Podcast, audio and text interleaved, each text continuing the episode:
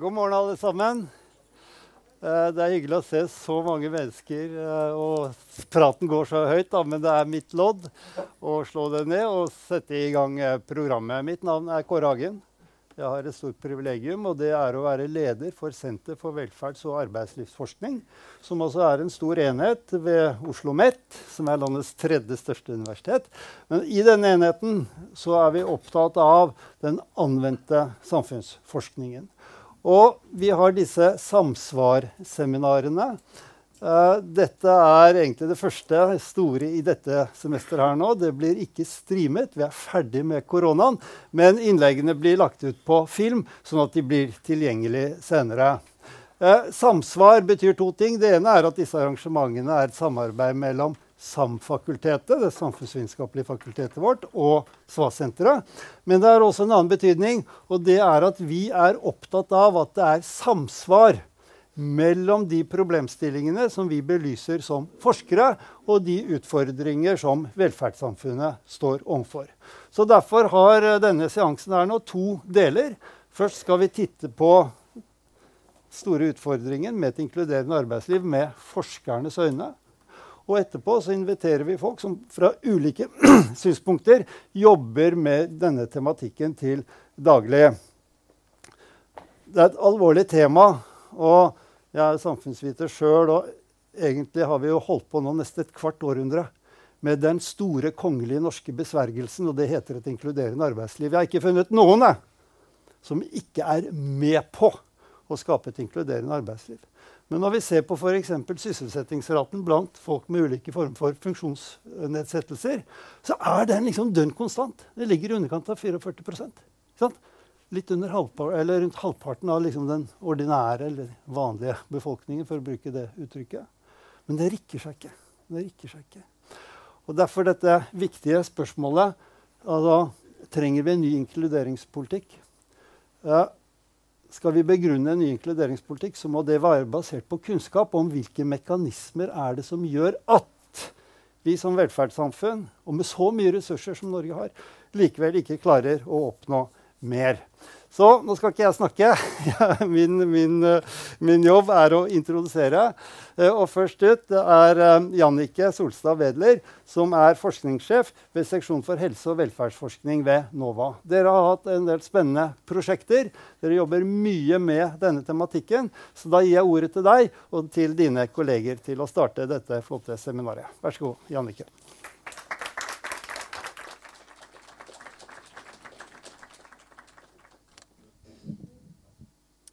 Ja.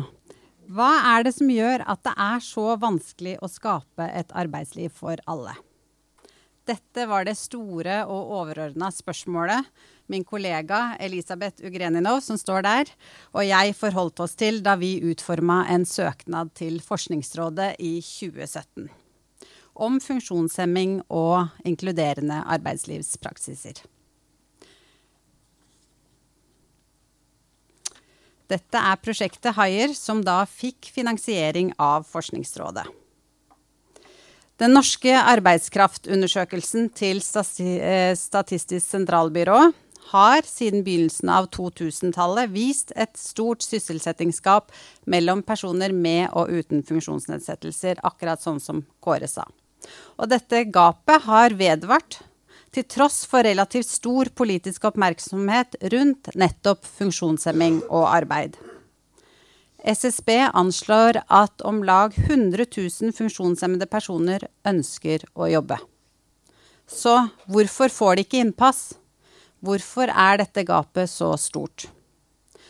Noe av sysselsettingsgapet kan muligens forklares med at personer med funksjonshemming kan ha en helsetilstand som gjør det vanskelig å være i jobb. Men gjennom bl.a. egne studier vet vi også at jobbsøkende funksjonshemmede opplever barrierer på veien til yrkesdeltakelse. At de møter utfordringer med å bli anerkjent som likeverdige jobbsøkere at de møtes av arbeidsgivere som forholder seg til funksjonshemming som en individuell begrensning, og ikke evner å se søkerens kvalifikasjoner. Men er det virkelig sånn at jobbsøkere med funksjonsnedsettelser forskjellsbehandles? at de diskrimineres av arbeidsgivere i jobbsøkerprosessen. Da Elisabeth og jeg skrev eh, søknaden til Forskningsrådet i 2017, så visste vi ikke svaret på dette helt grunnleggende spørsmålet. Måling av eh, diskriminering av etniske minoriteter i det norske arbeidslivet var allerede blitt gjennomført. Flere studier hadde fått forskningsetisk tilråding for å gjennomføre såkalte felteksperimenter for å måle dette. Vi mente at det også var viktig å få kunnskap om hvorvidt det er sånn at arbeidsgivere diskriminerer funksjonshemmede jobbsøkere. Særlig, ved, særlig gitt det vedvarende sysselsettingsgapet. Vi ønsket derfor å gjennomføre felteksperimenter med påfølgende oppfølgingsintervjuer av arbeidsgivere. Det er, et, øh, det er, nemlig vanligvis et betydelig gap mellom det bildet en får av sånne generelle holdningsundersøkelser til utsatte eller marginale grupper, og det bildet som felteksperimenter gir. Generelle holdningsundersøkelser tilsier at det ofte er overveiende positive holdninger til disse gruppene, mens felteksperimenter avdekker praksiser som gir et mer realistisk og nærmere virksomhetenes faktiske ansettelsespraksis. Vi mente at for å forbedre situasjonen for funksjonshemmedes likeverdige deltakelse i arbeidslivet, var det viktig å etablere en kunnskapsbase om hvordan arbeidsgivere responderer når de får en søknad fra en som signaliserer en funksjonsnedsettelse, og ikke minst få bedre innsikt i de vurderinger arbeidsgivere gjør i en sånn ansettelsesprosess. Eh, og her så vil jeg også få benytte anledningen til å takke den ekspertgruppa som har fulgt eh, dette prosjektet. Vi har hatt med oss representanter fra Unge funksjonshemmede, fra Arbeidslivssenteret i Akershus og i Rogaland, LO, Spekter og bransjeforeningen Arbeid og inkludering i NHO Service og Handel. Etter fem år så vet vi svaret på diskrimineringsspørsmålet. Det er sånn at personer som oppgir å bruke rullestol, eller som oppgir å ha psykiske helseproblemer, blir diskriminert. Og arbeidsgivere har fortalt om sine vurderinger. Det er dette Vegard Bjørnshagen og Kaja Larsen Østerud skal snakke om etterpå. Og når vi nå har etablert dette faktum, da kan vi virkelig gå over til å spørre trenger vi en ny inkluderingspolitikk. Hvordan kan arbeidsgivere bli mer inkluderende? Og hva skal til for å skape likestilling for funksjonshemmede og et arbeidsliv for alle? Elisabeth skal, skal eh, se på noen av utfordringene helt avslutningsvis. Og så får vi en paneldebatt om nettopp veien videre når det gjelder denne tematikken. Så da gir jeg over, ordet over til deg, Vegard.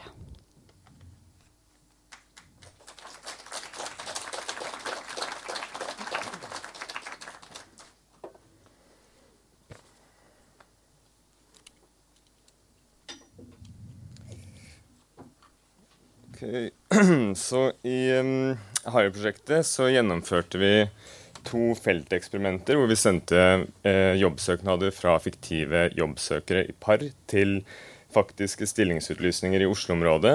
Eh, mange kjenner nok til denne typen felteksperimenter hvor Eh, altså som innebærer at søkerne er like med hensyn til alder, kjønn og kvalifikasjoner, men at det skiller seg fra hverandre med hensyn til en egenskap man vil undersøke effekten av, i dette tilfellet da på arbeidsgiveres avgjørelser i ansettelsesprosesser. Eh, denne ene eh, forskjellen mellom søkerne i våre eksperimenter var at en av dem informerte om funksjonsnedsettelse.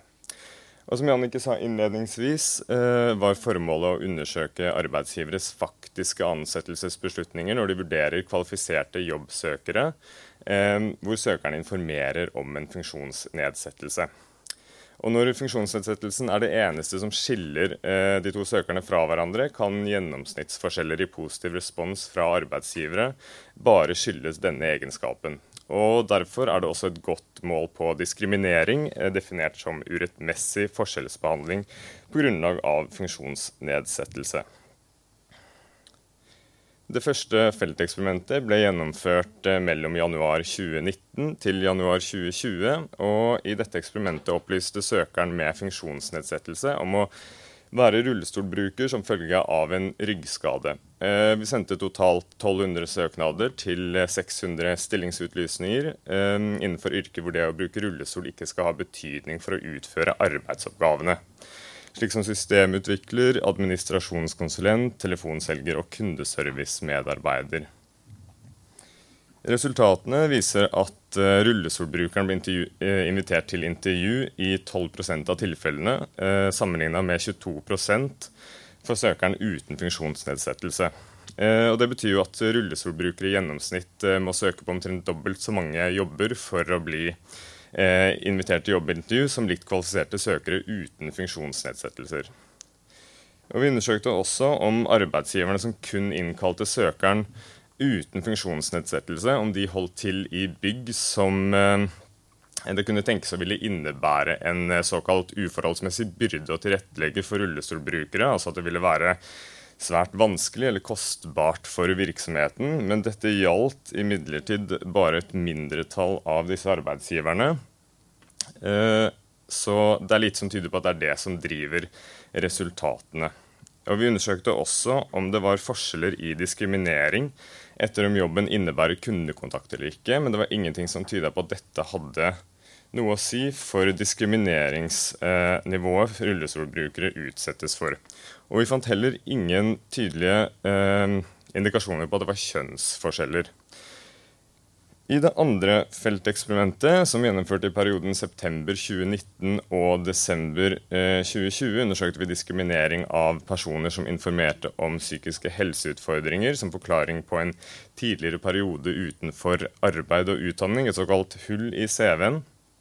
Eh, den andre søkeren eh, forklarte et tilsvarende hull i CV-en med å ha vært på reise. og Her søkte vi på de samme yrkene som i det første eksperimentet, men vi la til noen flere yrker som barnehagelærer, tømrer, elektriker og kokk. Og totalt sendte vi 300, 1398 søknader til 699 eh, utlysninger.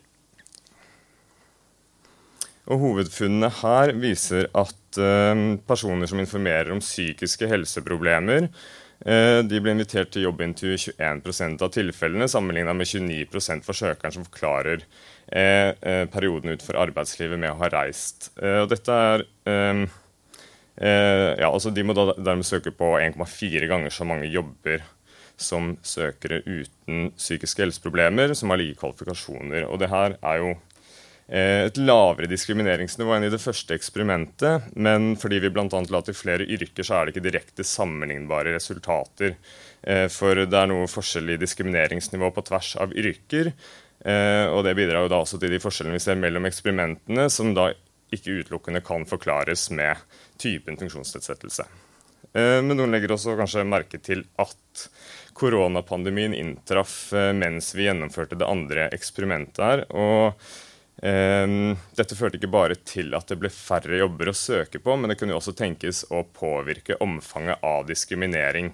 Vi fant imidlertid ingen uh, endringer i gjennomsnittlig diskrimineringsnivå før og under pandemien, men det kan selvfølgelig ha variert mellom bransjer og yrker, noe vi dessverre ikke hadde data nok til å utforske videre. Um, basert på data fra begge eksperimentene så undersøkte vi også sammenhengen mellom bedriftsstørrelse og diskriminering. Uh, det er jo en forestilling om at særlig mindre arbeidsgivere kan være skeptiske til jobbsøkere med funksjonsnedsettelse. Uh, men denne antakelsen er noe vi bare finner delvis støtte for. Uh, det er mindre diskriminering um, Ja, det er mindre diskriminering av rullestolbrukere i de største bedriftene i studien, eh, blant de som har 100 ansatte eller mer. Eh, vi fant derimot ingen eh, sammenheng mellom diskriminering av personer med psykiske helseproblemer og størrelse på bedriften. Så oppsummert har vi med disse to eksperimentene for første gang dokumentert at diskriminering basert på funksjonsnedsettelse er en betydelig barriere for jobbsøkere i det norske arbeidsmarkedet. Eh, og dette bekrefter jo det funksjonshemmede eh, selv forteller om, og det tyder også på at diskriminering spiller en viktig rolle i å bidra til de vedvarende forskjellene mellom personer med og uten funksjonsnedsettelser i arbeidsmarkedet.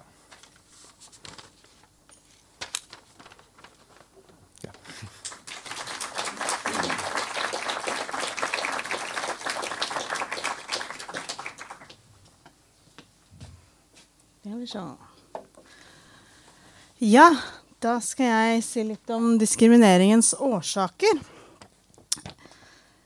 Eh, for jeg har nemlig fått snakke med de arbeidsgiverne, eller en utvalg av de arbeidsgiverne som har vært utsatt for disse to felteksperimentene.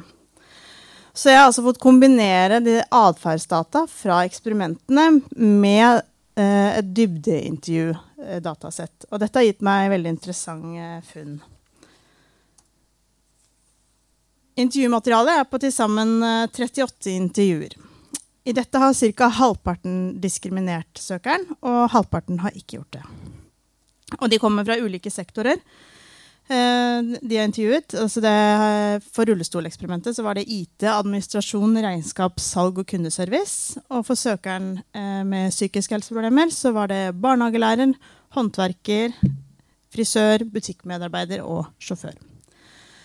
Og I disse intervjuene så spurte jeg dem om rekrutteringsstrategier, om oppfatninger av funksjonshemmede og om konkrete ansettelsesbeslutninger som de gjorde i det felteksperimentet. Og Det var ikke alle som husket akkurat den beslutningen, men det var ganske mange som gjorde det. Jeg vil nå svært kort gå gjennom noen av mine funn. Og formatet her tillater ikke så mye utbrodering, men jeg skal gi et sånn overordnet bilde av det jeg har funnet. For når en arbeidsgiver vurderer en jobbsøker, så har de en slags abstrakt idé om hva slags person som skal besitte jobben. Og dette er ofte en person som de oppfatter som vanlig og standard. Og det kan jo skape problemer for de som bringer noe litt mer uvanlig til torgs.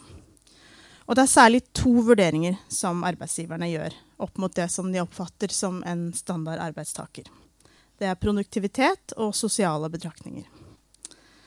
Så produktivitetsbetraktninger det handler om personen kan gjøre arbeidsoppgavene som er tiltenkt stillingen. Det handler om man møter stabilt på jobb, mestre arbeidsoppgavene som stillingen er tiltenkt, og man kan gjøre disse arbeidsoppgavene eh, raskt og godt. Sosiale betraktninger derimot, det handler om alt som er rundt utførelsen av disse arbeidsoppgavene. Det handler om man kommer overens med kollegaene sine, og om man kan være med i de etablerte sosiale praksisene på jobb. Ok, Så da går jeg litt over de konkrete funnene. Når det kommer til kandidater som er rullestolbrukere, så var det sånn at de fleste arbeidsgiverne de så ikke nevneverdige utfordringer knytta til produktivitet. Dette var jo sittende jobber, så det burde jo heller ikke være det. Men det var noen veldig få som hadde slike betenkeligheter. Og det var tilfeller der jobben ville kreve at man dro utenom arbeidsplassen for å besøke kunder. De mente at dette ville kunne være tidkrevende eller vanskelig å få til dersom kunden holdt til i et utilgjengelig bygg skal jeg lese et sitat fra en arbeidsgiver som hadde lyst ut en stilling som innebar at man måtte besøke kunder ute på, på kjøpesentre. Og så tror jeg at en person med en funksjonsnedsettelse hos oss i form av rullestol for enkelte tjenester vil ikke kunne fungere, dessverre. I forhold til konkurransesituasjonen ute i markedet så er det sånn at vi er ekstremt, ekstremt avhengig av å være effektive. Og for ham så ble dette sett på som en legitim grunn til å avvise søkeren. Dette her var jo da i forkant av uh, korona, så det har vært interessant å se om det har vært annerledes nå.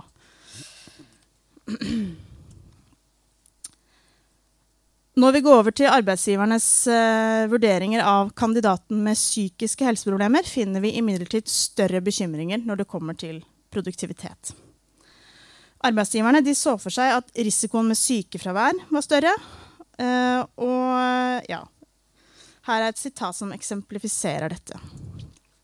Det er dette man fort kan tenke at oi, hm, det blir faktisk en kostnad ned her, med tanke på at man kan se for seg at en sånn person blir plutselig bare borte. Noen arbeidsgiverne var også usikre på om personen med psykiske helseproblemer ville være, eh, klare å være mentalt til stede på jobb. Og her er et sitat fra en barnehagestyrer som også viser til tvil om mulighet til å utføre arbeidsoppgavene på en god måte.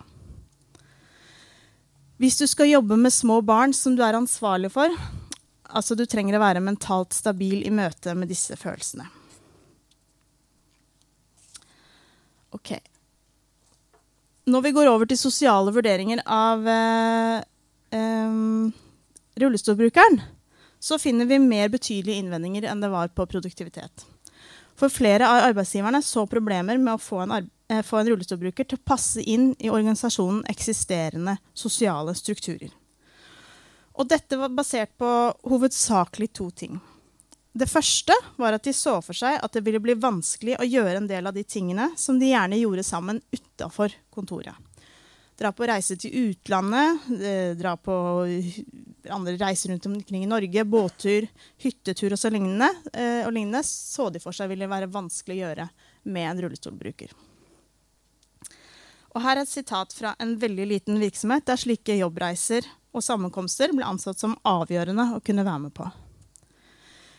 Vi har sånne sammenkomster ja, annenhver tredje hver måned omtrent, alle mann. Og da har vi brukt bare du kan si sånn hytter og landsteder og sånt noe. Så tenkte vi da at det var liksom litt dumt da, å ha noen i rullestol. Så det var egentlig den eneste begrunnelsen for ikke å kalle inn vedkommende. Den andre sosiale betraktningen som gjorde arbeidsgiverne skeptiske, var forestillinger om hvordan funksjonshemmede er. Altså stereotypier og fordommer.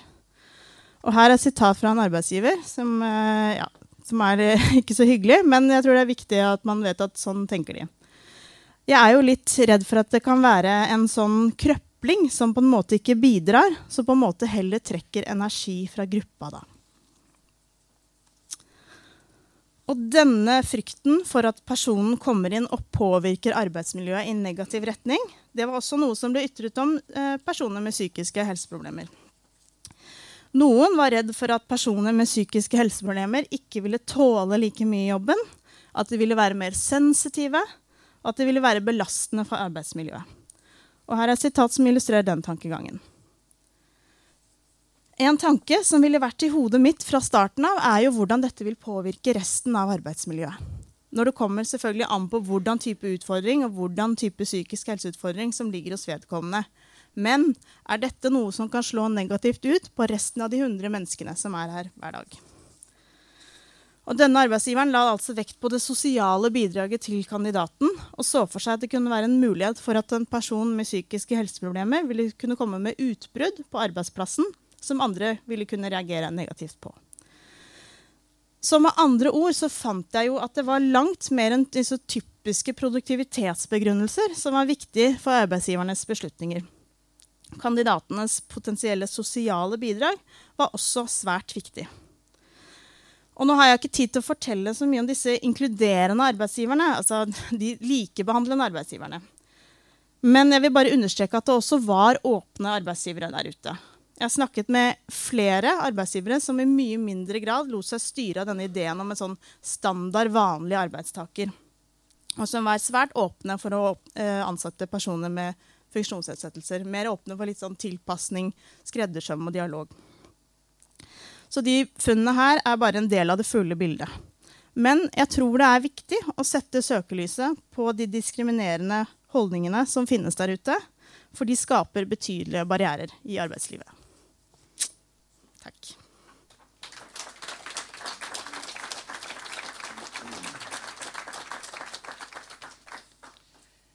Ja, takk, Haja. Eh, hva vet vi, og hvilke utfordringer står vi overfor? Resultatene fra studien som nå er presentert, er ganske entydige. arbeidssøkere som signaliserer en funksjonsnedsettelse, diskrimineres i det norske arbeidsmarkedet. Våre studier måler forekomst og antyder årsak for diskriminering, men vi har ikke eksplisitt studert hvilke tiltak som kan redusere diskriminering. Likevel kan teori og forskning gi et innblikk. Generelt i en ansettelsesprosess er mange arbeidsgivere opptatt av å velge kandidater med minst risiko. Dette kan relateres til produktivitet, antatt høyt sykefravær og antatt lav arbeidskapasitet.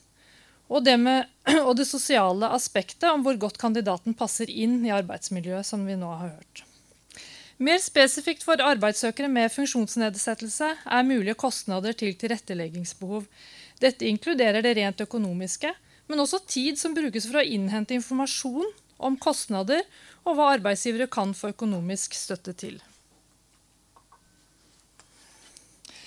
Under dette her kommer da universell utforming. I utgangspunktet bør det være enkelt å ta fatt i forhold knyttet til tilrettelegging av arbeidsoppgaver, eller forhold ved arbeidssituasjonen som kan utjevne produktivitetsforskjeller mellom grupper av arbeidstakere. Dette gjelder også tilgjengelighet til og på arbeidsplassen.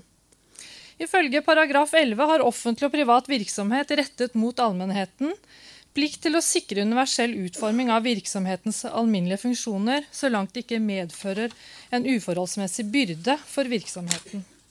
Hva som kan sies å være en uforholdsmessig byrde, er en skjønnsmessig vurdering. Det eksisterer mange tiltak for tilrettelegging i dag, men én forutsetning er at informasjonen er lett tilgjengelig, og at ansvarsfordelingen er avklart, og at dette er kjent for arbeidsgivere. FFO eh, har gjennomført en spørreundersøkelse av 500 arbeidsgivere i offentlig og privat sektor.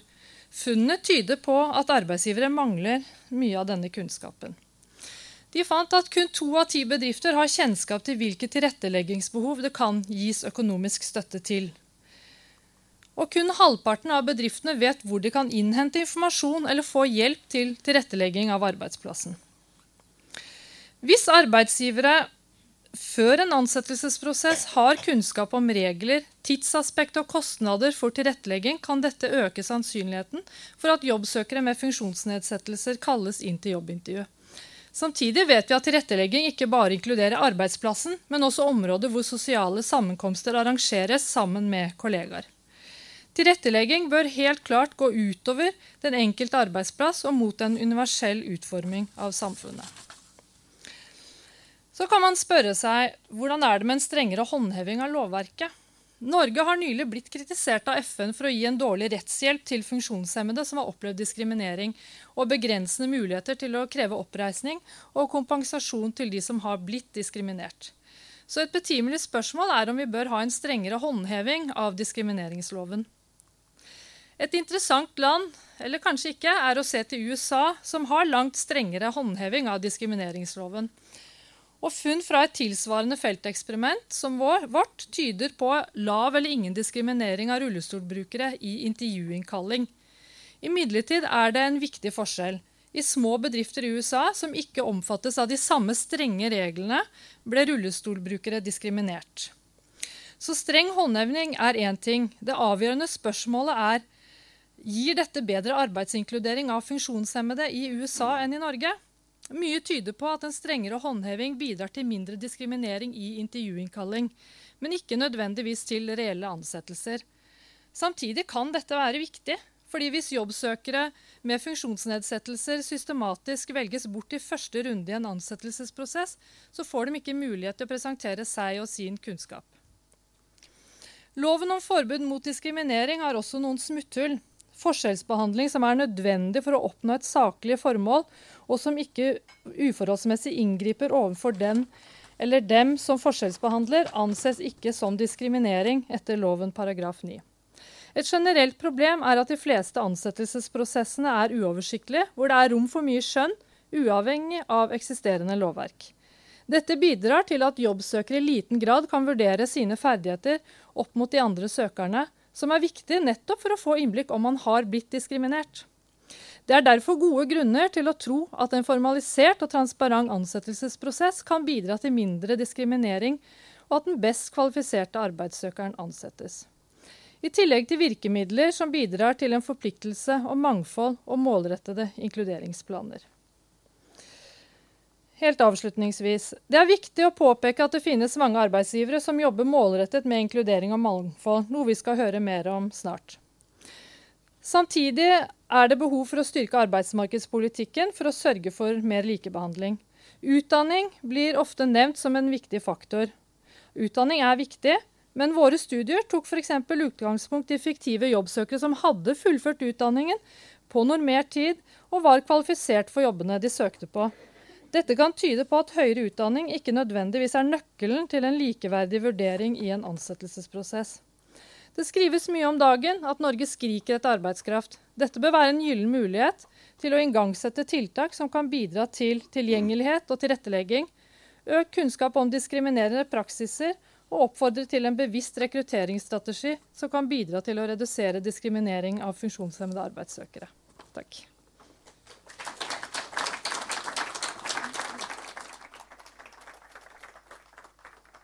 Oh, flott. Eh, tusen takk til forskerne.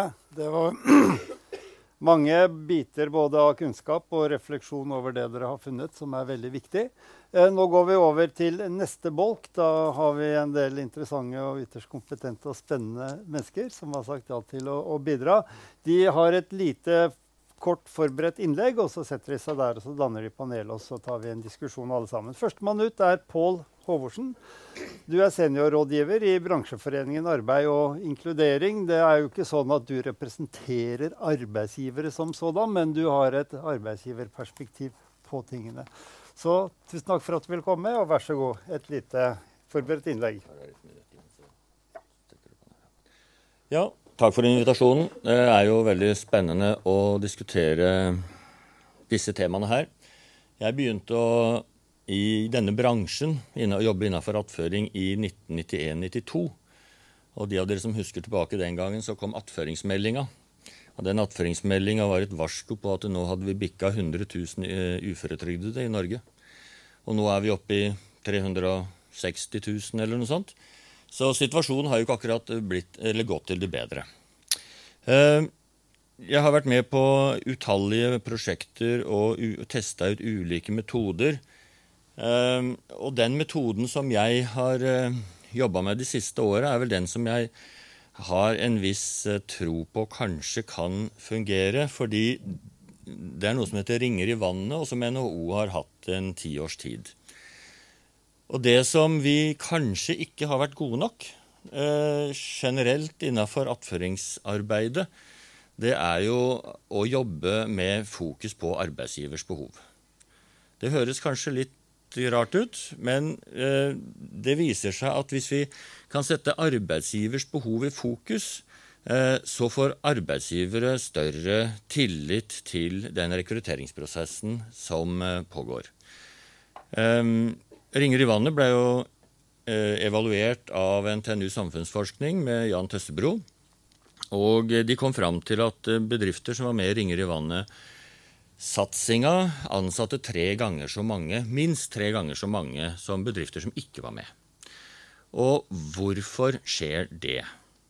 Jo, det skjer fordi Og det er også litt interessant. Arbeidsgivere som ansetter én gang og blir fornøyd, de fortsetter å rekruttere fra den samme kilden. Gjerne jobbkonsulenter som de har fått en god relasjon til.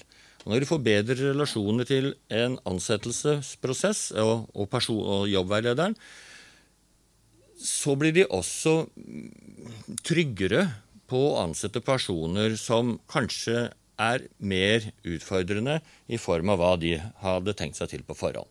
Ta for eksempel, Dere kjenner sikkert prosjektet Helt med.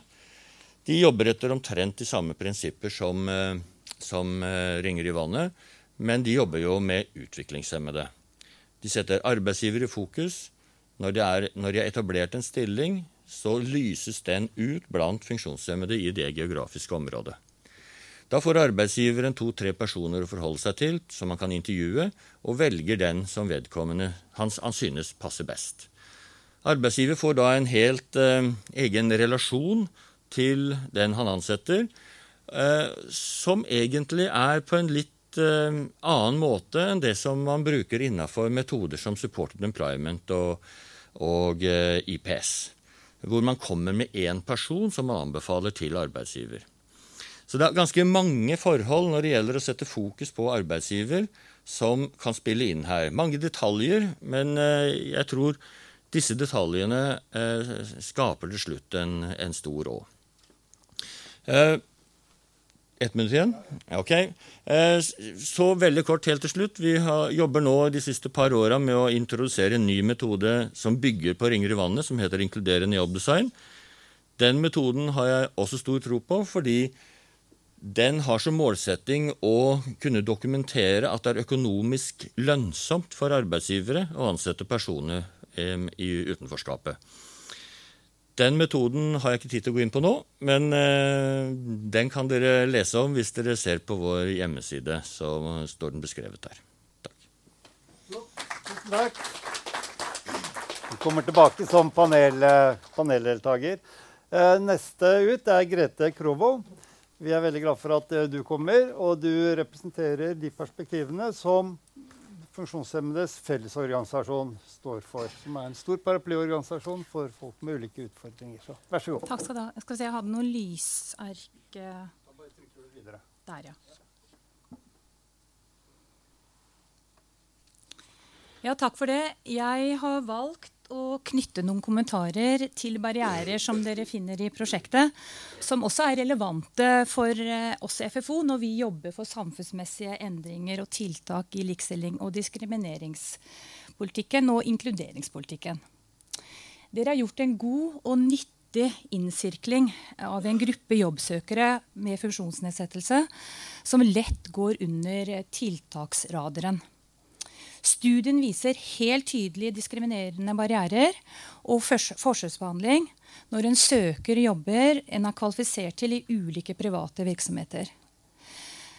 Det har også vært nyttig å få koblet manglende interesse fra arbeidsgivere til antagelser om lavere produktivitet, og at sosial integrasjon blir vanskelig eller umulig. Diskriminering som knyttes til holdninger, fordommer og stereotypier, samt en ek sosialt ekskluderende kultur, kan ofte være vanskelig å adressere helt generelt. Denne forskningen gjør det enklere å konkretisere.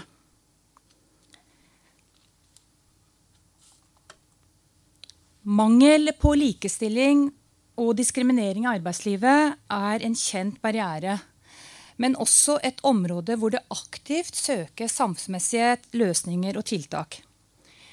Menneskerettighetene i FN-konvensjonen CRPD skal bidra til å motvirke diskriminering pga. nedsatt funksjonsevne.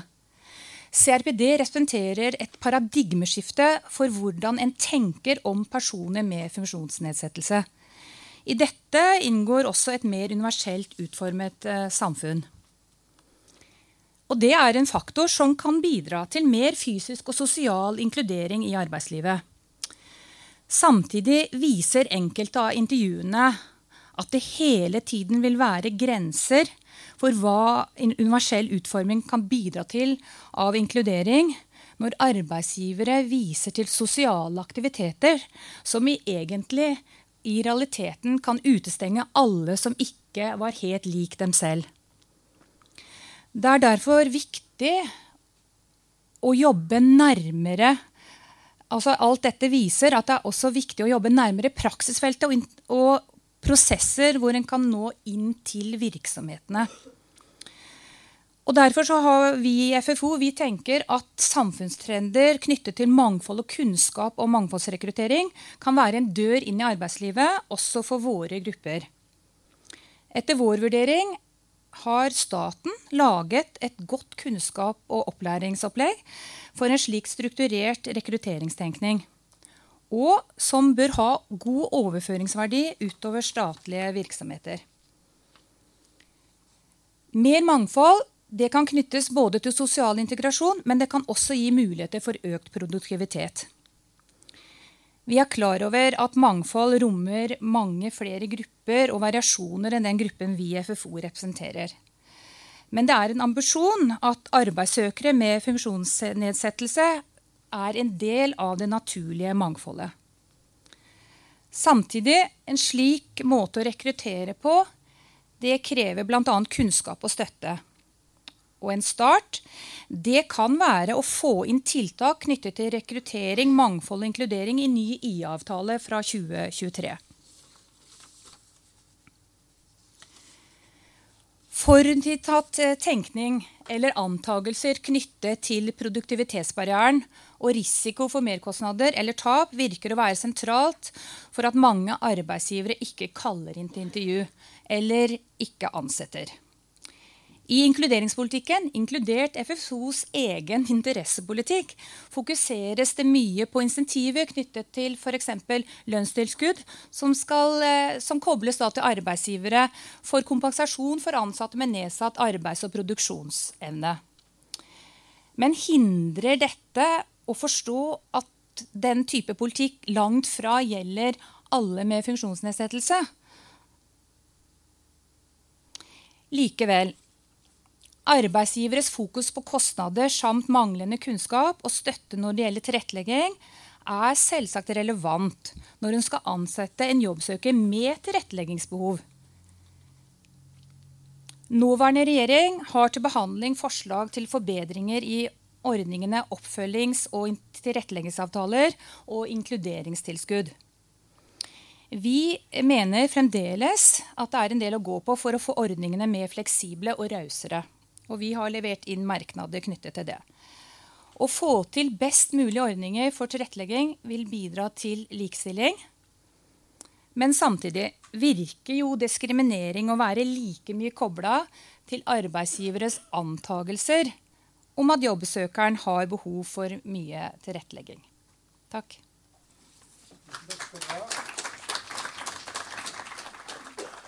Da er det sistemann ut. Eh, Nils Kristian Bogen. Det var veldig hyggelig å se deg. Jeg er en gammel kollega fra BI. Du har vært opptatt av inkluderende arbeidsliv i mange mange år. Eh, nå er du her fordi du leder et ganske spennende offentlig utvalg som heter Inkluderings- og mangfoldsutvalget, som skal levere en, eh, en NOU da, til, til, våren. Og så tilhører du også vår sektor. Du er viserektor for um, eksterne relasjoner. for det? Ved Universitetet i Sør-Øst. Så vær så god, Nils Kristian. Tusen takk for det. Og tusen takk for invitasjonen til å komme og si litt om eh, Likestillings- og mangfoldsutvalgets arbeid, og samtidig delta i denne viktige diskusjonen som vi har her i dag. Um, Først litt om utvalget, hvem vi er. Vi er tolv personer som arbeider der. En ganske bredt sammensatt eh, gruppe. Kanskje en litt utradisjonell gruppe, eh, faktisk. Eh, og Hvis det er tilfellet, la oss også da håpe at eh, det kan resultere i noen utradisjonelle forslag til tiltak. Vi starta arbeidet i august 2021 og skal utrede hvordan vi kan sikre et samfunn som gir rom for mangfold og annerledeshet.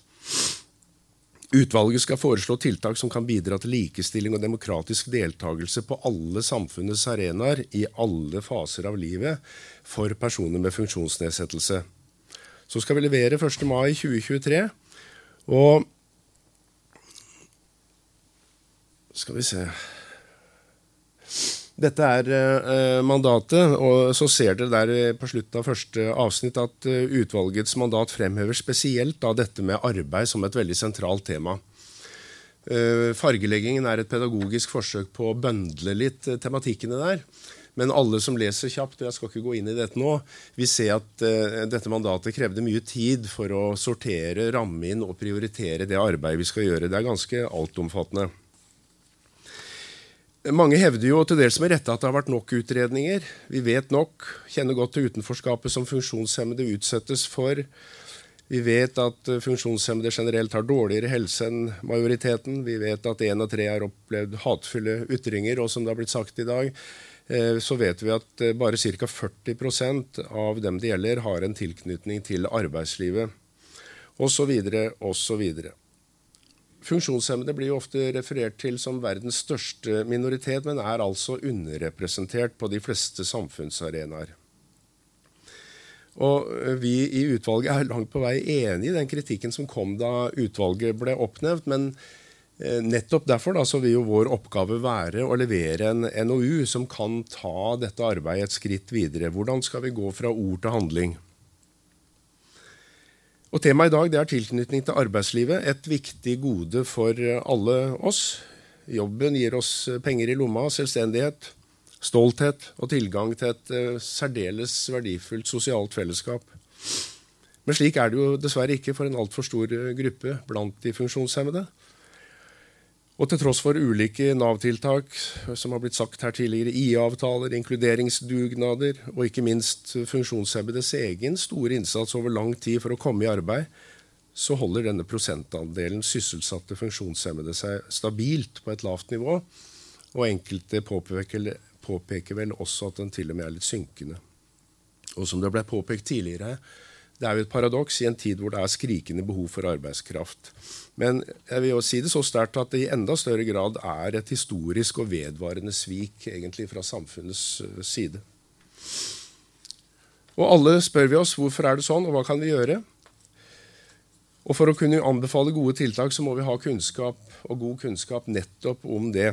Det er viktig, så takk til dere som bidrar til forskningsbasert kunnskap på feltet. Og som Pål var litt innom, det som jeg syns er spesielt interessant Pål er for øvrig medlem av utvalget. Eh, det jeg syns er spesielt interessant, er jo når forskningen flytter oppmerksomheten fra jobbsøkeren med funksjonsnedsettelse til arbeidsmarkedet og til arbeidsgiveren. Det betyr ikke at vi ikke skal gjøre alt vi kan for å kvalifisere han eller hun med funksjonsnedsettelser best mulig gjennom utdanning og annen kvalifisering eller støtte. Men det er jo noen barrierer der ute som ikke handler om at individet ikke er godt nok rusta for arbeidslivet. Og det handler jo om strukturene, fordommene og holdningene og uvitheten i samfunns- og arbeidsliv. Der finner vi diskrimineringen, åpent og skjult. Og det har vi sett eh, gode, eh, god dokumentasjon på i dag. Så hva skal til for å få en forandring? Ja, Det er mange innganger til en politikk som adresserer funksjonshemmedes livsbetingelser. Og Det er ikke tid for meg heller nå til å si så veldig mye om det, men likevel. Én inngang er jo det, via det som vi kaller for det regulatoriske, hvor en gjennom lovgivning, økonomiske insentiver og andre virkemidler over tid søker å oppnå og endre atferd for å nå velferdspolitiske målsettinger. Og Et verktøy i så måte kan jo være kvotering. Det er, liten for, det er liten tradisjon for denne type tiltak i norsk arbeidsliv. Men jeg syns det er verdt å vurdere det for å få flere med funksjonsnedsettelser inn i det ordinære arbeidslivet. Vi vet at arbeidsgivere som har erfaring med det, er mye mer positive enn arbeidsgivere som ikke har slik erfaring. Det ble også sagt innledningsvis i dag og seinere. Ved å øke andelen arbeidsgivere som ansetter funksjonshemmede, så høster jo flere blant disse, altså arbeidsgiverne, erfaring samtidig eh, som de funksjonshemmede fungerer som rollemodeller for andre. I sum kunne man håpe at det fører til holdningsendring i arbeids- og samfunnsliv generelt, og at rommet for å normalisere annerledeshet blir større. Så skal det sies, og jeg er selvfølgelig klar over det, at kvotering også har store utfordringer knytta til seg. Og til slutt en, en litt generell kommentar, for kanskje aller viktigst ute blant folk flest, hos den store majoriteten, de som i sum er meningsdannerne og setter retningen for samfunnsutviklingen vår, så er det dessverre altfor mange som ikke kjenner til de store utfordringene som denne gruppen må leve med. Som ikke kjenner til diskrimineringens omfang og natur, og er klar over de hatefulle ytringene som de utsettes for. Eller de vil, behøver, eller kanskje til og med gidder ikke å bry seg. Og det er denne gruppen blant oss vi må få til å gå i seg selv, endre holdninger, tenke gjennom eget verdigrunnlag, for så å endre atferd og praksis. Og det er først når, vi, når de deltar som alle oss andre, på skole, i skole, i utdanning, i arbeidslivet, på fritiden, i kulturaktiviteter, at vi får til å endre atferd og praksis. Og I så måte er forskningsbasert kunnskap og massiv folkeopplysning gode og viktige verktøy. Takk.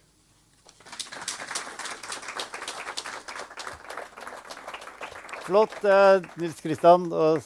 Da tar dere plass som et eh, panel. Nå har det vært eh, mye ensidig fra podiet og ned på dere, men vi har fått opp eh, et stort lerret av, av tematikker. Så nå inviterer jeg til Sola rett i øyet, holdt jeg på å si. Lisa. Inviterer vi til uh, refleksjoner, synspunkter på det vi har fått uh, høre. Så, og da, Halvard, er du klar med en mikrofon til den som uh, Er det noen som har ume... Ja, her framme. Flott.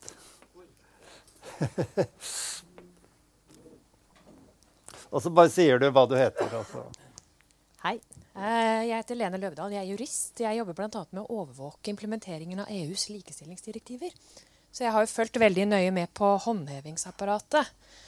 Um, vi vet jo det, at det å jobbe proaktivt er det som funker best.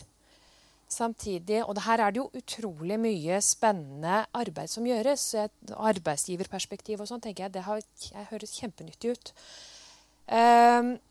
Og det med kunnskapsheving er jo også nøkkel. Um, men vi trenger et ris bak speilet. Og så har vi jo den kombinasjonen at vi har, noen, vi har aktivitets- og redegjørelsesplikten, eh, som er på en måte ett system.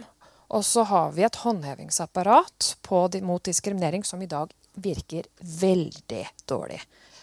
Og det er ingen kobling mellom de to. Så jeg vil bare løfte det fram.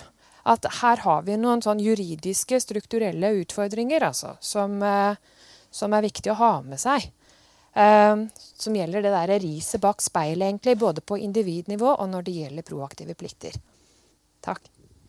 Viktig perspektiv. Det var egentlig ikke et spørsmål, men det jo, hadde jo adresse til utvalget ditt, eh, Nils Kristian. Når du snakker om på en måte de regulatoriske virkemidlene, så, så, er jo ditt poeng at det er ikke noe vits at vi har veldig fine papirbestemmelser hvis det ikke er eh, kostnader ved å, å bryte dem. Bare en liten refleksjon. Det er jo helt utrolig, da, fikk dere med her om dagen, at disse nye automatene for lading av elbiler har altså så høye eh, høyt oppe der du skal betjene panelet, at det er, ikke, det er ikke mulig for rullestolbrukere å bruke det. Det er helt ufattelig i 2022. Men det var en refleksjon. er det flere som har noe på hjertet her? Helt sikkert. Kom igjen. Da har jeg eh, en, en, liten For du sa noe som jeg opplevde som veldig viktig, mm, Grete. Og, og det var at du sier at liksom, hvis vi sier at vi har litt sånn Jo, det er kostnader eller risiko knytta til folk med nedsatt funksjonsnedsettelse eller funksjonsevne. Og så kan vi liksom leite etter tiltak for å kompensere for det. Men at sånn som jeg tolket er en fare ved det er at vi, liksom, vi resirkulerer en oppfatning om en slags relasjon en veldig bastant relasjon mellom en funksjonshemning og hva det er mulig for en person å gjøre. Og det, det var vel poenget ditt. Men jeg har lyst til å kaste fram altså, Vi lever jo også i altså, på en del andre seminarer, og da snakker vi om hvordan nye teknologier gjør at stadig flere nedsatte funksjonshemninger er irrelevant for, for, produktivitet. Så jeg har savnet litt grann, liksom, en litt sånn teknologioptimisme her òg.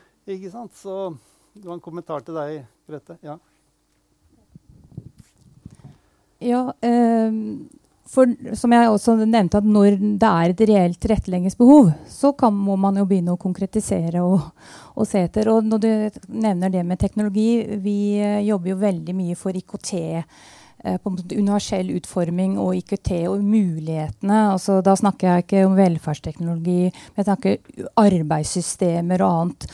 Eh, det er jo prosesser på gang der, men, men det på en måte det det lovverket med universell utforming i forhold til offentlige arbeidsplasser sånn, gjelder jo ikke inn i systemene på samme måte. Så, men absolutt, teknologi gir muligheter eh, for en, noen grupper i visse arbeidssituasjoner og på visse arbeidsplasser. Fint. Ja, Pål? Jeg kunne bare tenkt meg å bare si også en liten ting som vi har erfart eh, gjennom Ringer i vannet, bl.a. Det er at uh, det er jo en del personer, funksjonshemmede, som blir veldig stabil arbeidskraft. Vi selger det inn som altså Rekrutterer du på denne måten, så får du stabil arbeidskraft. Fordi det er personer som vet hvor vanskelig det er å få en ny jobb. Så de blir i jobben, og gitt at den fungerer uh, godt for dem, så, så, blir de i jobben. Så, så det er også et innsalgsargument, faktisk tror det er et veldig viktig, viktig poeng. Jeg har også vært arbeidsgiver en periode da vi tok, altså, tok et ansvar og fikk kontakt med Nav og en person som hadde en CV som ikke var, hadde hull, men som ikke hadde noen ting annet enn en lang, trist karriere, for å si det sånn, på trygd. Så kom hun til meg og spurte kan jeg få lov å få fri i morgen formiddag. Og så sa jeg ja, selvfølgelig kan du få fri i morgen formiddag. Hva skal du gjøre? Jo, hun ville gjerne gå i begravelsen til faren sin. Altså aldri hatt så stabil arbeidskraft noen gang. Og jeg tror det er et veldig, veldig viktig poeng. Altså at du, Når man sliter med å få jobb, og da først får jobb, så, så er det veldig menneskelig at du gir alt. Um, Halvard, finner du noen? Ja, du må hjelpe meg å se etter kommentarer. Ja. Der kom en.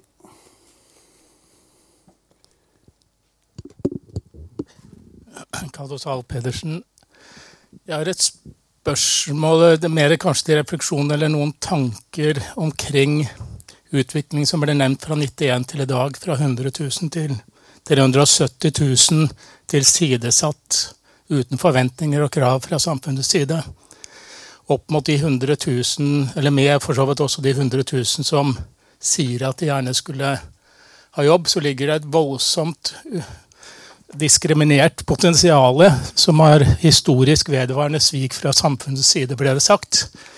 Um,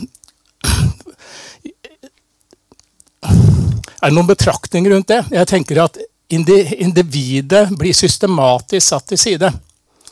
Og individet er den som skal leve i enhver krok i dette land. Og hvordan skal man gi den muligheten i denne eh, teknologiske tidsalderen vi går inn i også til å ha hjelpemidler. Helt klart, de står alene. De er ikke organisert i det møtet med arbeidsgiveren den dagen. Samme hvor mye vi kan lage terskler fritt og lage ordninger, så står Vi må ha mer forventning om at søkeren har det beste redskapet når han står overfor en arbeidsgiver der ute i Hodalen og skal søke den jobben. og ha med seg tilbudspakka. Jeg har bil, og, jeg har, og så kommer pakka som som tar lurven av eh, eventuelt de antakelsene. Men bare noen betraktninger rundt ditt systematisk svik vi har gjort eh, for veldig mange av de 370 000 uføre i dag. Poeng er som har en kommentar til å fylle ut det. Nils Kristian? Nei, jeg må bare slutte meg til det. Og mm, vi har jo utvalget Vi diskuterer jo um, ofte og mye disse mekanismene da, som eh, er der ute, og, og, veldig fremtredende blant det, som jeg tror kanskje resulterer i noe av det du påpeker, og som, som jeg også mener, det er jo denne silotenkningen om, om manglende harmonisering, og at folk eh, og etater snakker med hverandre eh, på tvers. Eh, så det er definitivt én eh, dimensjon. Det går på F.eks. Når ungdom går ut av videregående skole, så har jo ikke Nav vært inne der det siste året for å bistå i en prosess og være med på å sikre at vedkommende eh, får et meningsfylt liv også etter eh, videregående skole. Så det kan være én eh, type eksempel i hvert fall på at vi er for dårlige til å, å, å, samhandle og snakke på tvers. Det er jo en gammel klassiker, men jeg må si at jeg ikke synes det blir så, så veldig mye bedre. Og det andre som jeg kanskje vil trekke fram, selv om for all del nå snakker vi kanskje om utfordringer og, og vansker, det skjer jo mye godt også, vi må av og til minne oss uh, om det, for all del. Um, men det er jo også litt uh, denne, denne, litt sånn uh, hva skal vi si, menneskelige kvaliteten at det går an å bruke skjønn i systemene våre. Altså Hvis en saksbehandler, det være seg i Nav eller andre steder, ikke har en en forskrift eller regel eller noe å støtte seg til, så, så er det mitt inntrykk litt at vedkommende blir litt hjelpeløs, eh, og istedenfor å bruke vanlig klokskap eh, heller etterlyser en ny regel. Så det er noen sånne mekanismer som har umyndiggjort um, um, enkeltindividet i systemene våre, som i stor grad går utover uh, de som vi snakker om i dag. Uh, Pål, du ba om ordet, men det var en der borte først. Så, jeg tenker Pål kan bare kommentere hvis han vil først. Ok, da tar vi Pål. Veldig kort. Uh, på sist utvalgsmøte så var jo arbeidsdirektøren der og sa ganske tydelig på spørsmål at uh, utviklingshemmede de nedprioriteres. Der de får uføretrygden i postkassa, og det gjøres ikke noe nevneverdige arbeidsevnevurderinger osv. osv hvis, hvis Helt Med hadde vært en del av Nav, eller vært avhengig av Nav for innsøking osv., så, videre, så hadde sannsynligvis det prosjektet vært fullstendig mislykka. Det at de kan operere på siden av Nav, uten noe innblanding, fram til nå iallfall, er sannsynligvis en årsak til at de har fått suksess. Da var det der borte. Ja, takk. Hei, Camilla. Jeg er sekretariatsleder i Likestilling og mangfoldsutvalget. Um, jeg bare lurer på, Elisabeth, kanskje du kan kommentere. For det, jeg er litt um, um, Jeg syns det er fascinerende dette med synet på produktivitet. Uh, og at den er lavere hos oss funksjonshindrede enn andre. Fordi at egentlig så er det jo helt motsatt. Vi har jo en vanvittig produktivitet. Altså Vi er jo arbeidsledere for vår egen BPA-ordning. Vi har jo en enorm planlegging bare for å komme oss ut av huset og hva vi skal ha på oss av klær. og vi, altså Det er jo en helt vanvittig Vi har jo 300% jobb alle sammen bare ved å på en måte være deltakere i samfunnet. Så skal man ha en 100% jobb eh, i tillegg. Så egentlig så er jo vi en helt vanvittig produktivitet. Um, og så er det liksom det jeg lurer på. hvordan hvordan tenker du at det er, sånn som Christian var inne på, er liksom kvotering? Må vi tvangssosialiseres, sånn at folk skjønner dette her? Eller hva er på en måte, hvordan bekjemper vi den type stereotypier, da? Ja, uh, det er et veldig vanskelig spørsmål. Um, men uh, som jeg kanskje ikke nødvendigvis har et svar på. Men jeg tror mye av det Man kan godt gjøre sånn at uh, at personer med funksjonsnedsettelse har med seg en pakke kan du si, ved tilrettelegging, at de vet at man får uh, at arbeidsgiver får økonomisk støtte, og alt det. Men samtidig så tror jeg ikke det hjelper i forhold til det du sier. Fordi her tror jeg man må jo aktivt jobbe med holdningene til arbeidsgivere. Fordi det vi så var jo, Hvis du kan ta litt paralleller til da det psykisk helse-eksperimentet, Uh, og da dere, må man også huske på at det året de var ute pga. psykisk helse, det lå tilbake i tid. Og det betyr at man blir merket ganske lang tid frem i tid. Så helt klart at man kan lage universell utforming uh, som gjør at produktiviteten ikke skal ha noe å si. Men samtidig så er, må man også jobbe veldig med holdningene til arbeidsgivere. Og det er en vanskeligere prosess, tror jeg, da, enn å lage det universell utformet. Og ja, jeg har egentlig ikke noe konkret svar på det, men uh, der tror jeg akkurat på det spørsmålet så er det holdninger og opplysning, rett og slett. Det er jo, som Kaja sa, det var veldig mye stereotypiske holdninger. At man antar at de har høyere sykefravær. Man antar at uh, de er mindre produktive uten egentlig at det finnes noe statistikk på det heller. Så det er jo noe vi kanskje kan ta med oss videre til neste forskningsprosjekter. Ja. Absolutt. Nå er det flere i salen her. Kom igjen. Eh, Terje Olsen fra Fafo. Eh, jeg har bare lyst til å, eh, Siden det ikke har blitt sagt så direkte, jeg har lyst til å si til forskerne her at dette her Takk for et veldig fint fine presentasjoner. Og en, jeg tror dette her, som forsker sjøl på forskning om inkluderende arbeidsliv overfor funksjonshemmede, så tenker jeg at dette her er noe av det viktigste som har kommet fram, eller som har blitt eh, formidla fra eh, kunnskap om det feltet her på mange mange år. Dette er veldig viktig eh, kunnskap som kan bli brukt inn i mange eh, viktige sammenhenger i politikkutforming osv. Eh, eh, som eh, eh, som uh, arbeidsleder selv så er jeg også som, uh, i den situasjonen at jeg er med og ansetter personer. Så man liksom kjenner seg jo igjen i det som du presenterer, Kaja. Liksom det der med liksom, hvilke vurderinger som gjøres. Og så lurer jeg på, altså til spørsmålet som, som danner grunnlaget for seminaret Trenger vi en ny inkluderingspolitikk? Kanskje er det sånn nå, for nå har vi jo liksom sånn hatt så mange år. Vi er veldig forsiktige her i landet med å, liksom, legge krav til arbeidsgivere. Kanskje er det nå på tide at vi begynner å tenke skal vi lage en eller annen form for eh, kvoteringsordninger? En eller annen eh, ja, mild form i, i, en eller annen variant. Ja, eh, takk. Flott. Ta til dere rosen, da, kolleger fra Nova her nå. Fint. En liten kommentar til, og så er det en til fra salen. Men vil du Ja. Eh, jo, takk, Terje. eh, jeg må bare si noe med det med kvotering, som du også uh, tok frem, Camilla. og det er det at forskning nedover i Europa, som f.eks. andre land som har kvoteringssystem, det viser at det har egentlig ikke noe betydning. Det, det øker ikke inkluderingen. Men der er det også sånn at de har et slags smutthull hvor de kan betale seg ut hvis de da ikke når de prosentene man skal ha. Men foreløpig så ser det har eksistert mange år i noen land, og det ser ikke ut til å ha noe større betydning.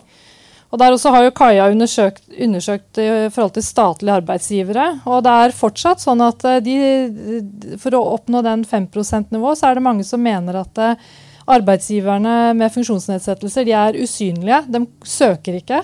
Og de er fortsatt eh, ikke proaktive nok. Da. Så jeg, jeg tror nødvendigvis at sånn kvote ikke, ikke løser problemet i seg selv. Det er jo det at man må skape proaktive arbeidsgivere som kanskje er den største utfordringen. Ja, jeg gir panelet for en liten sånn privilegium her, også, men jeg har det på lista der. Nei, på den annen side så har jo ingen av tiltakene som er blitt brukt, hatt nevneverdig effekt.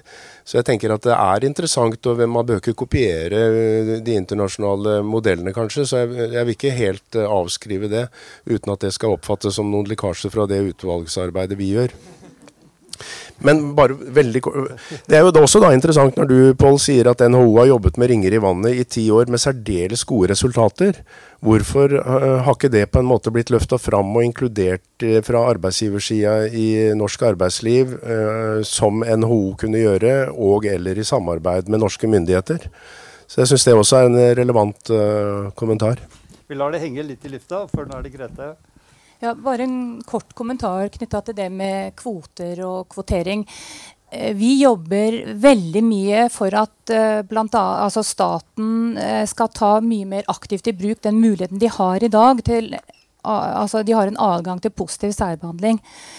og der er det jo på en måte adressert altså arbeidssøkere som har kompetanse. Fordi det er liksom noe med å ha diskusjoner litt sånn eh, målretta mot den gruppa vi snakker om her, er jo, er jo kvalifisert. Og, og, så kan man bruke den som en moderat kvotering og vippe de inn.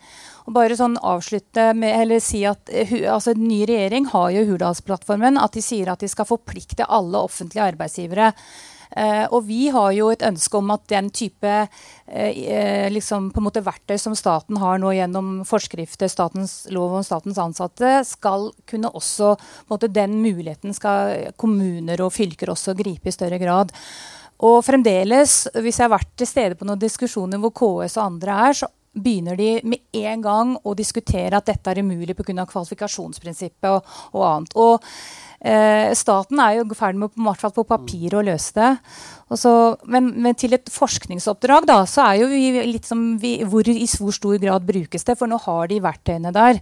Altså Det ligger jo på en måte til rette for å, å få flere inn på den måten. Men vi er veldig i tvil om det blir brukt i veldig stor grad. da. Ja. Mm. Da går vi inn på talerlista fra salen. Kom igjen. Ja, ja takk. Kristoffer Lium eh, fra NRK jobber i teknologidivisjonen. Og så er jeg også med i Mangfoldsprosjektet. Eh, og er selv blind, hvis det er noen relevans. Eh, så kanskje litt som privatperson også refleksjoner. Men jeg vil gjerne gripe tak i det Pål snakka om ringer i vann, som høres veldig spennende ut. Ikke minst fordi det tar utgangspunkt i arbeidsgivernes behov og arbeidsgivernes ut, ut, utfordringer.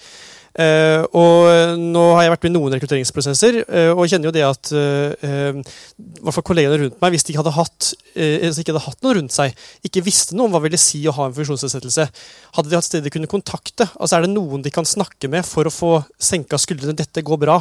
eller hvis de har reelle bekymringer, har de et kjempegammelt sakssystem fra ti år tilbake, og det kommer en som er blind som søker, så er det faktisk noen utfordringer som ligger der. Og det var litt ærlig om hvilke utfordringer som ligger der, men fortsatt kunne få en mulighet til å finne hvordan skal vi løse det og komme videre. Den, den ærligheten og den, den, hjelpen tror jeg kanskje også ville vært med å hjelpe ganske, ganske mange hvis de eh, ble på påtvunget, påtvunget informasjon om at dette kan du få hjelp til. Nærmest som en sånn pop-up når du får en søker med, med funksjonsnedsettelse. Um, det var det ene jeg skulle si. Det andre jeg skulle si er at det er jo også en utfordring at, som også var nevnt, at det er ganske få med funksjonsnedsettelser som søker i bunken til de fleste. Uh, fordi at de uh, ofte ramler ut av dårlig tilrettelegging f.eks. i videregående utdanning. Uh, og derfor så får man færre inn. Så det blir litt sånn eksotisk når man får en sånn utskudd som kommer og søker. Kjemperart. og sier litt for å provosere, men, men, men, det er noe i det også. Så jeg tror det er en viktig ting å ta med fra arbeidsgiversiden. Så veldig kult å høre om det også. Takk. Fint. Viktige ting egentlig litt til deg, Pål, men uh, du kan vente. Og så er det en litt lenger Der, ja. Flott. Ja. Hei, eh, mitt navn er Andrea Larkon. Eh, jeg er lokalpolitiker i Oslo SV. Eh, men også jeg tidligere rullestolbruker og, rullest, eh, og rullatorbruker. Eh, jeg har nedsatt funksjonsevner. Og jeg opplever jeg ikke blir innkalt på intervju når jeg krysser på at jeg har hull i CV og jeg er nedsatt funksjonshemme. Så det er alt som dere sier, stemmer. Og, og, dette gjorde at jeg har studert inkluderingskompetanse som samskaping eh, på Oslo OsloMet. Jeg er samfunnsforsker nå. Og jeg prøver å gjøre noe inni politikken for å, at det kan bli bedre for oss. da. Eh, og jeg tenker Det som Nils Kristian eh, sa, jeg var veldig glad, for jeg tenkte det stemmer veldig mye at, eh, at arbeidsgivere har mye fordommer. Og de vet ikke, de mangler kompetanse. Samtidig, jeg har også undersøkt dette, vi ser at eh, det mangler kunnskap og informasjon, og at de kan få ressurser, hjelp, Eh, noen ganger er det Nav som står at de har ikke kompetanse på en sykdom, eller arbeidsgiver har ikke kompetanse om sykdom, eller forskjellige sykdommer, som du sa. Så jeg tenkte jeg kunne støtte veldig mye dette med CRPD og kvotering. Og har eh, litt strengere regler for at vi kunne få mulighet til å komme på intervju. Og dere nevnte det. Jeg alltid sier hvis noen kaller meg på intervju og ser eh, det ressurs som jeg er. Sikkert kan jeg få den jobben. Så det er bare å komme det intervjubiten, tenker jeg det kunne åpne mange dører. Takk. Mm. Det er også du med bokhyllen der nede. Der, ja. Flott. Ja, jeg heter Anne Mette Bredal, og jeg kommer fra TAS Kompetansesenter for sjeldne diagnoser. Jeg vil først si at uh, takk for kjempespennende foredrag i dag, og øh, veldig spennende forskning, og vi ser frem til fortsettelsen. Så håper jeg også at uh, I inkluderer folk som er blinde i den kommende forskning. For jeg vet jo fra tidligere forskning at uh, blinde med rulle, eller blinde med førerhund de havnet aller, aller nederst på rangstigen i forhold til å være attraktiv arbeidskraft. Det er i forhold til tidligere forskning. Og så tenker jeg at det er mange veier å gå. Uh, der er også veje i Nav-systemet. Da jeg var i en situation, hvor jeg skulle søge jobb, fik, var det ikke mulig å få lese- og skrivehjelp til å søge jobb, for det ikke, hadde ikke noe med jobb at gjøre.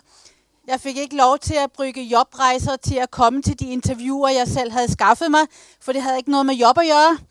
Så, så det er mange steder, hvor man tenker at her er der flere regler, en sund fornuft, som jeg håper at man også kan se på i forhold til det. Jeg fikk heldigvis en arbeidsgiver som sa det var godt jeg ikke visste hvor komplisert det var med Nav. Og når du snakket om at det er 2022, så er det jo fortsatt sånn at det ikke er noe krav om at IT-systemer som er relevante i forhold til jobb, er tilrettelagt, så øh, vi som synshemmede kan bruke det. Og det kan jo bli en reell begrensning og en utfordring når man skal jobbe i et jobb hvor det ikke er tilrettelagt, og man har ikke noe lovmæssigt grundlag til å be om å få det tilrettelagt. Så her er der mange fronter. Jeg kender jo øh, synshemmede kolleger, som har fått avslag på øh, et jobb i Nav, øh, fordi at Nav-systemet ikke var tilrettelagt for synshemmede. Så her, vi har en lang vei, men takk for kjempeflott forskning, og vi ser frem til fortsettelsen.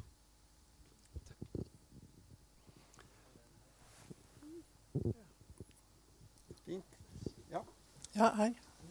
Karoline eh, Høver Hansen. Jeg jobber som rekrutteringsansvarlig i NRK. Kollega med Kristoffer. Jeg var også veldig nysgjerrig på eh, ditt prosjekt med ny metode for inkluderende jobbdesign og alt mulig sånn. Så hvis du ville kunne utdype det litt grann. Eller også henviste du til en nettside som jeg ikke fikk helt med meg. Eh, men uh, tusen takk for veldig spennende foredrag. Uh, og hvis det skulle være sånn med fokus på arbeidsgiver at dere skal forske videre, trenge case, virksomheter osv., så, videre, så så kan jeg vel ganske sikkert si at vi er interessert i det også. dette er jo at Vi har 300 ledere som rekrutterer i NRK. Så det med å spre kunnskap og bevissthet er kjempeviktig. Så tusen takk. Da tror jeg Pål skal få litt ordet, for det har vært mange flasketutter som har pekt på deg, og så er det du ved bordet der etterpå. Kom igjen, Pål. Ja, kanskje jeg skal først si litt om uh, dette med kvotering. Uh, jeg er kanskje litt mer skeptisk enn utvalgsleder. Uh, men det er jo mange paradokser, da. Altså, kvinnekampen har jo vært ført med kvotering som, høy, som, en, som, som, en, en, høy fane. Eh, men det har aldri fungert så veldig godt innenfor arbeidslivet eh, når det gjelder funksjonshemmede. Og jeg er litt enig med altså, hva som har skjedd nedover i Europa. Kvotering kom etter annen verdenskrig pga. mange krigsskadde. Eh, noen mener jo at det fungerer hvis det kobles til en slags type jobbveileder som kan følge opp arbeidsgiveres behov for tilrettelegging og tilpasning osv. Andre steder så er det som en ekstra skattlegging av arbeidslivet, sånn som f.eks. i Ungarn. Så, men kanskje vi skal teste det ut i offentlig sektor da, først. Eh, det har jo ikke vært nevneverdig suksess, den 5 i staten per i dag. Det er jo knapt mulig å få tall på hva som egentlig er måloppnåelsen. Så, eh, så, kanskje vi skal begynne der. Og i Hurdalsplattforma så er det jo nevnt da dette med, med, offentlig sektor generelt, og det er kanskje et sted å begynne, for, for, det er jo der det er vanskeligst å få folk ut i arbeid. Så eh, offentlige virksomheter, ja. Eh, I det private så, så, så er de veldig negative til, til, kvotering. Og jeg mener Ringer i vannet har vært et prosjekt og en måte å jobbe på som det er bare å videreføre, så kanskje ikke man trenger egentlig i privat sektor. For det, det kan slå begge veier. Når det gjelder når det gjelder inkluderende jobbdesign, så er det en metode som uh, søker å, å reorganisere uh, arbeidsoppgaver på en arbeidsplass. Og det passer veldig godt i disse tider hvor vi mangler uh, profesjonsutdanna i, i, i, en god del yrker. Og tanken er da Skal jeg ta et veldig sånn konkret eksempel? På en restaurant som jeg kjenner veldig godt til, så mangler de kokk. Og, på, og, og det er umulig å få tak i gode kokker og faglærte kokker, og jobbveilederen foreslo, for, eh, for, å ta en veldig lang historie veldig kort, for, for arbeidsgiver at eh, jeg har ei jente her som er lettere utviklingshemmet. Eh, hun er god på å gjøre enkle oppgaver på kjøkkenet. Og arbeidsgiver var veldig negativ, for hun trang en fullbefaren kokk. Men hun fikk lov til å prøve seg, og det som skjedde, det var jo det at denne jenta her, hun gjorde jo veldig mange av de arbeidsoppgavene som kokkene brukte mye tid på, men som ikke du trang å være, å være øh, faglært for å utføre. Og Det er snakk om å kutte grønnsaker til salater, og kutte frukt og desserter, lage pizzadeigen, holde litt orden på kjøkkenet. Utallige mange mindre oppgaver som du ikke trenger å være faglært. Det som skjedde var jo at hun tok såpass mye da arbeidsoppgaver fra kokkene at restauranten trang ikke å, øh, å ansette en kokk men, øh, hun, men å ansette henne i stedet. Så, og som faglært, ufaglært, så er det jo da langt billigere enn en faglært. Og dermed så sparte arbeidsgiver ganske mye penger på en slik ansettelse. Og selv om det da skulle bli en ny eh, restauranteier, så vil sannsynligvis den restauranteieren fortsette å ha vedkommende ansatt, fordi det er lønnsomt å ha en fra utenforskapet ansatt. En annen ting er hvis vedkommende ville slutte og finne en annen type jobb eller hva den ønska være. Ja, så vil arbeid, hva vil arbeidsgiver da gjøre? Jo, han vil ringe til jobbkonsulenten og si hei, jeg trenger en ny. Dermed så har du etablert noen strukturer i arbeidslivet som er veldig spennende i KS sitt eh, blad her om eh, for eh, noen få dager eller for en ukes tid siden, så var det en fra Oxford Research som hadde en lengre artikkel om at la barnehageutdannede få være barnehage, altså drive med sitt fag, og ikke f.eks. bruke en time eller to om dagen på kjøkkentjeneste. Det er en type stilling som du kan sette ut til andre. Så her har vi en, en, en, liten kjerne. Jeg sier ikke at dette gjelder, vil løse problemet for alle, men det vil kanskje være én ny metode i verktøykassa som kan være med og være litt spennende. Og veldig fint med, med NRK. Vi utdanner eh, jevnlig nye folk, og det er noen fra Oslo. Så hvis dere har lyst til å bli gjenstand for en reorganiseringstest fra våre studenter som kan få et case, hadde vært veldig spennende. Flott. Da er det deg ved bordet, og så må vi gå inn for landing her nå. Kom igjen. Ja. Uh, hei. Tusen, tusen takk for uh, fantastisk interessante innledninger og funn. Jeg heter Anna Kvam. Jeg er uh, doktorgradsstipendiat i litteratur og skal i gang med et prosjekt hvor jeg skal se på hvordan kronisk sykdom og funksjonshemming er representert i norsk litteraturhistorie.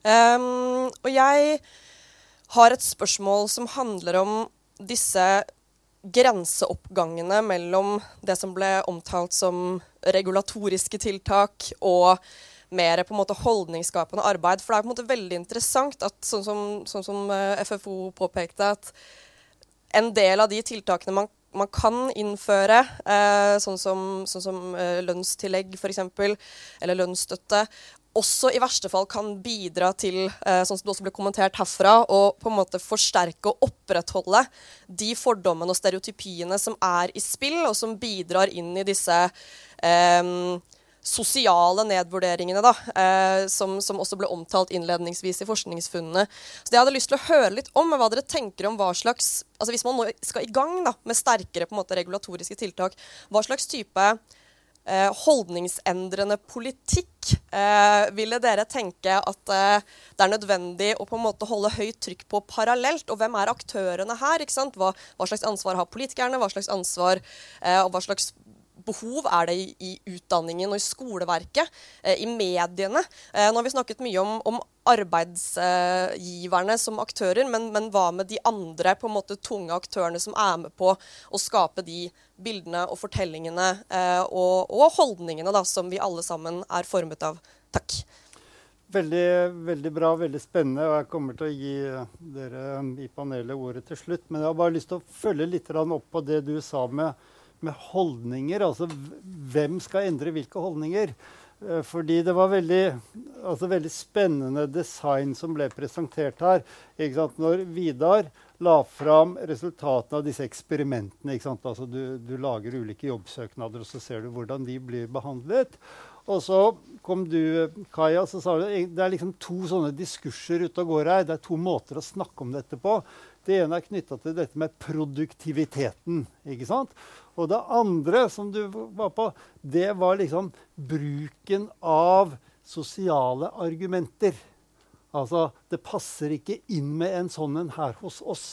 Altså Hvis en da sier at jo, vi går jo som samfunn tross alt framover når det gjelder kan du si, effektivitets- og produktivitetsdiskursene. Og ditt innlegg om at vi kan tenke litt annerledes rundt arbeidsoppgaver, så kan vi faktisk liksom oppdage ressurser og oppdage nye måter å gjøre ting på. Og da har jeg bare en liten kjepphest. og da må vi, Hvis du googler 'samfunnsnyttig arbeid', så kommer du i dag til kriminalomsorgen. Mens du snakker om at det er en hel masse jobber som bør gjøres fordi vi kan få et bedre samfunn. Men så er det den andre, da. Og det er altså Når det norske samfunnet liksom lykkes så dårlig, så er det jo fordi det er noe her som er fryktelig vanskelig. Og det er kanskje det der argumentet av den sosiale karakteren. Og at det er en litt sånn utfordring for oss, oss som forskere. Altså er det bare liksom legitimering? Altså skalkeskjul for ting? Er det en form for sløvhet eller risikohåndtering? Eller er det noe i det? Altså For hvis det er noe i det, altså at norske arbeidsplasser og holdningene rundt Vi kan ikke ha en muslim hos oss, for da kan vi verken ha akevitt eller ribbe på julebordet. Og da blir det jævlig kjedelig. Men altså, vi, vi må grave litt i på en måte de sosiale argumentene. Fordi altså, Du sa noe veldig klokt, syns jeg, Kristian. Du sa at den store oppgaven her er å normalisere annerledeshet. Et inkluderende arbeidsliv betyr at mer av den variasjonen som er blant mennesker i et samfunn, den skal få lov å utspille seg i arbeidslivet og på arbeidsplassene. Og det er kanskje veldig vanskelig. Fordi vi har en velferdsstatlig historie her hvor vi overlater til institusjonene å håndtere annerledeshet. Og så sier vi at det inkluderende samfunn betyr at denne annerledesheten skal komme tilbake til sivilt samfunn og til arbeids, uh, arbeidsplasser. Nå tok jeg litt sånn ordet, men det har litt makt med å få lov å ha som ordstyrer. Men altså, spørsmålet ditt altså, Hvilke typer av holdninger hos hvem bør endres på hvilke måter? For å si det litt sånn, ja.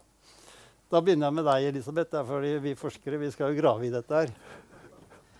Og det ble ikke lettere nå, kanskje? Nei, jeg må si at det var uh, Ja, jeg tror at uh, i mange år så har vi jo sett på høye effektivitetskrav. Og da, før funksjonshemmingsfeltet ble stort, så var det jo sykefravær.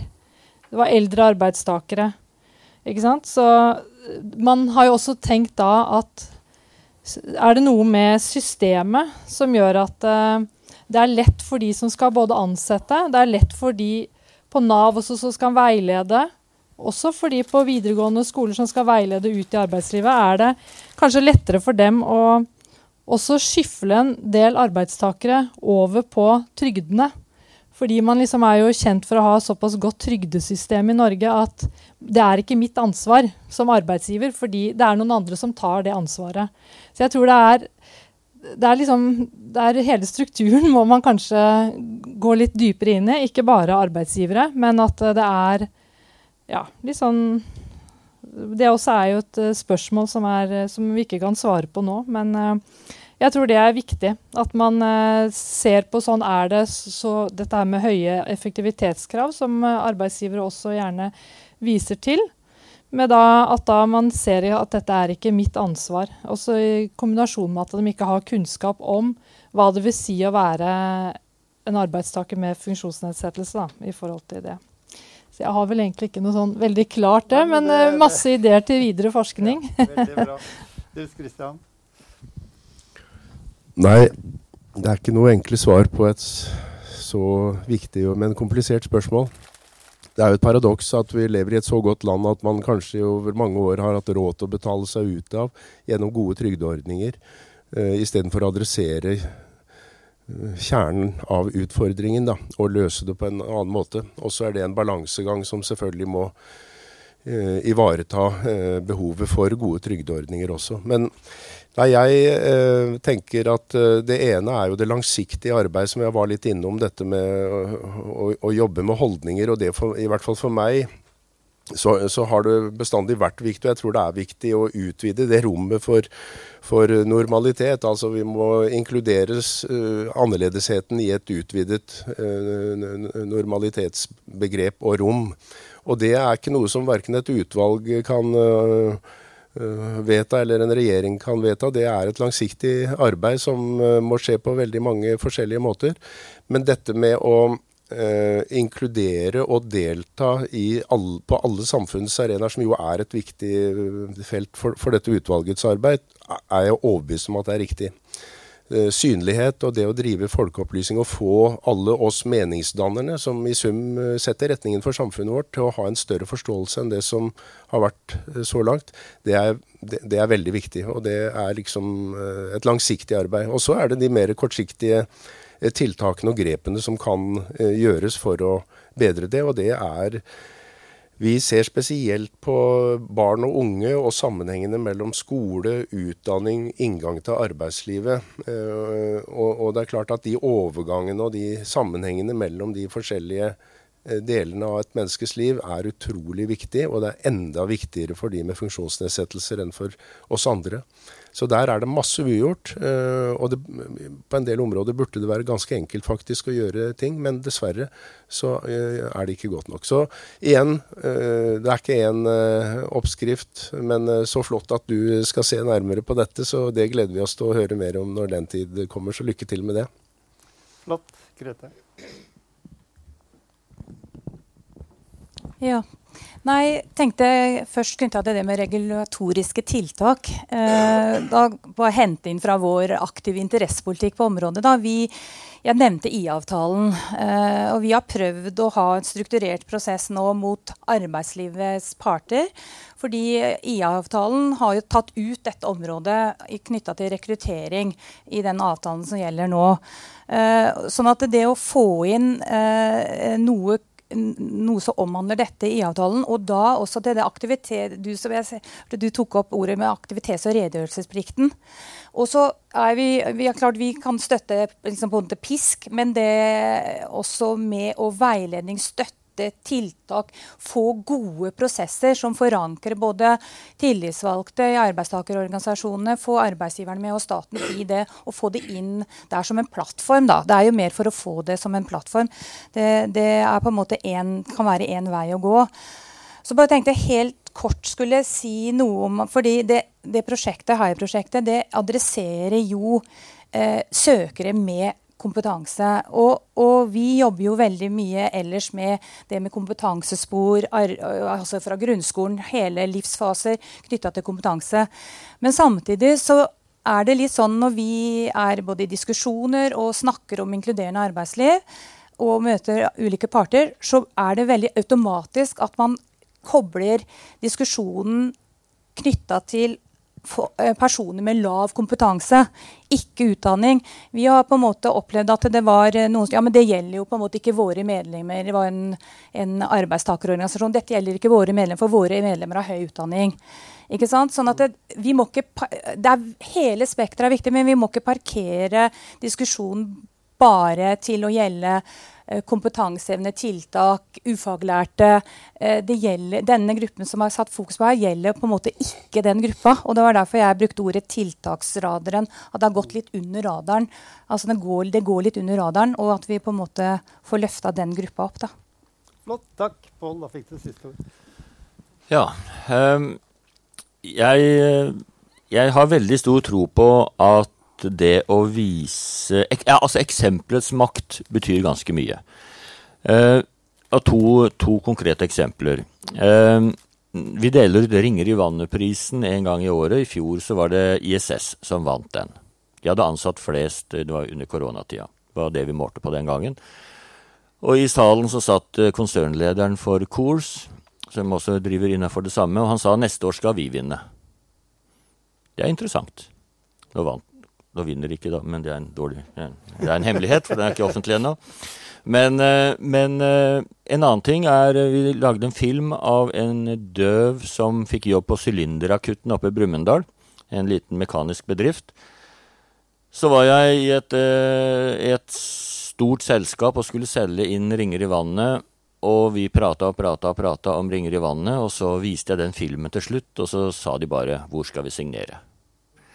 Så, så dette med å vise de gode historiene, at det går an, ufarliggjøre Det er et møysommelig arbeid, men det går framover. Så, så, det tror jeg er ganske viktig, altså.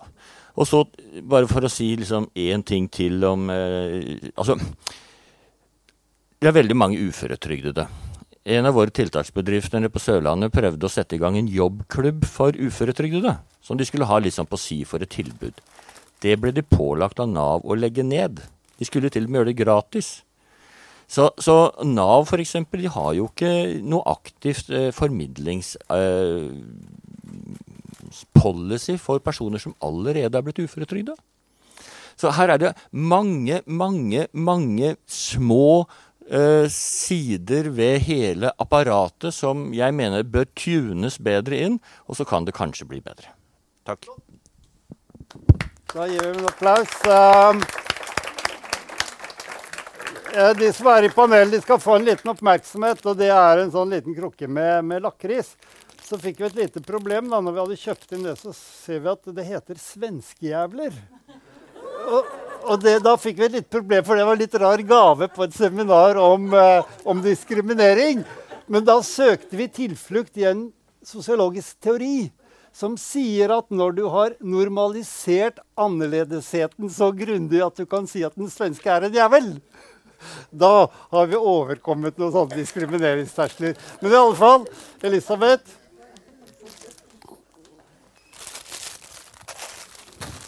Nils Christian. Grete og Pål. Ja.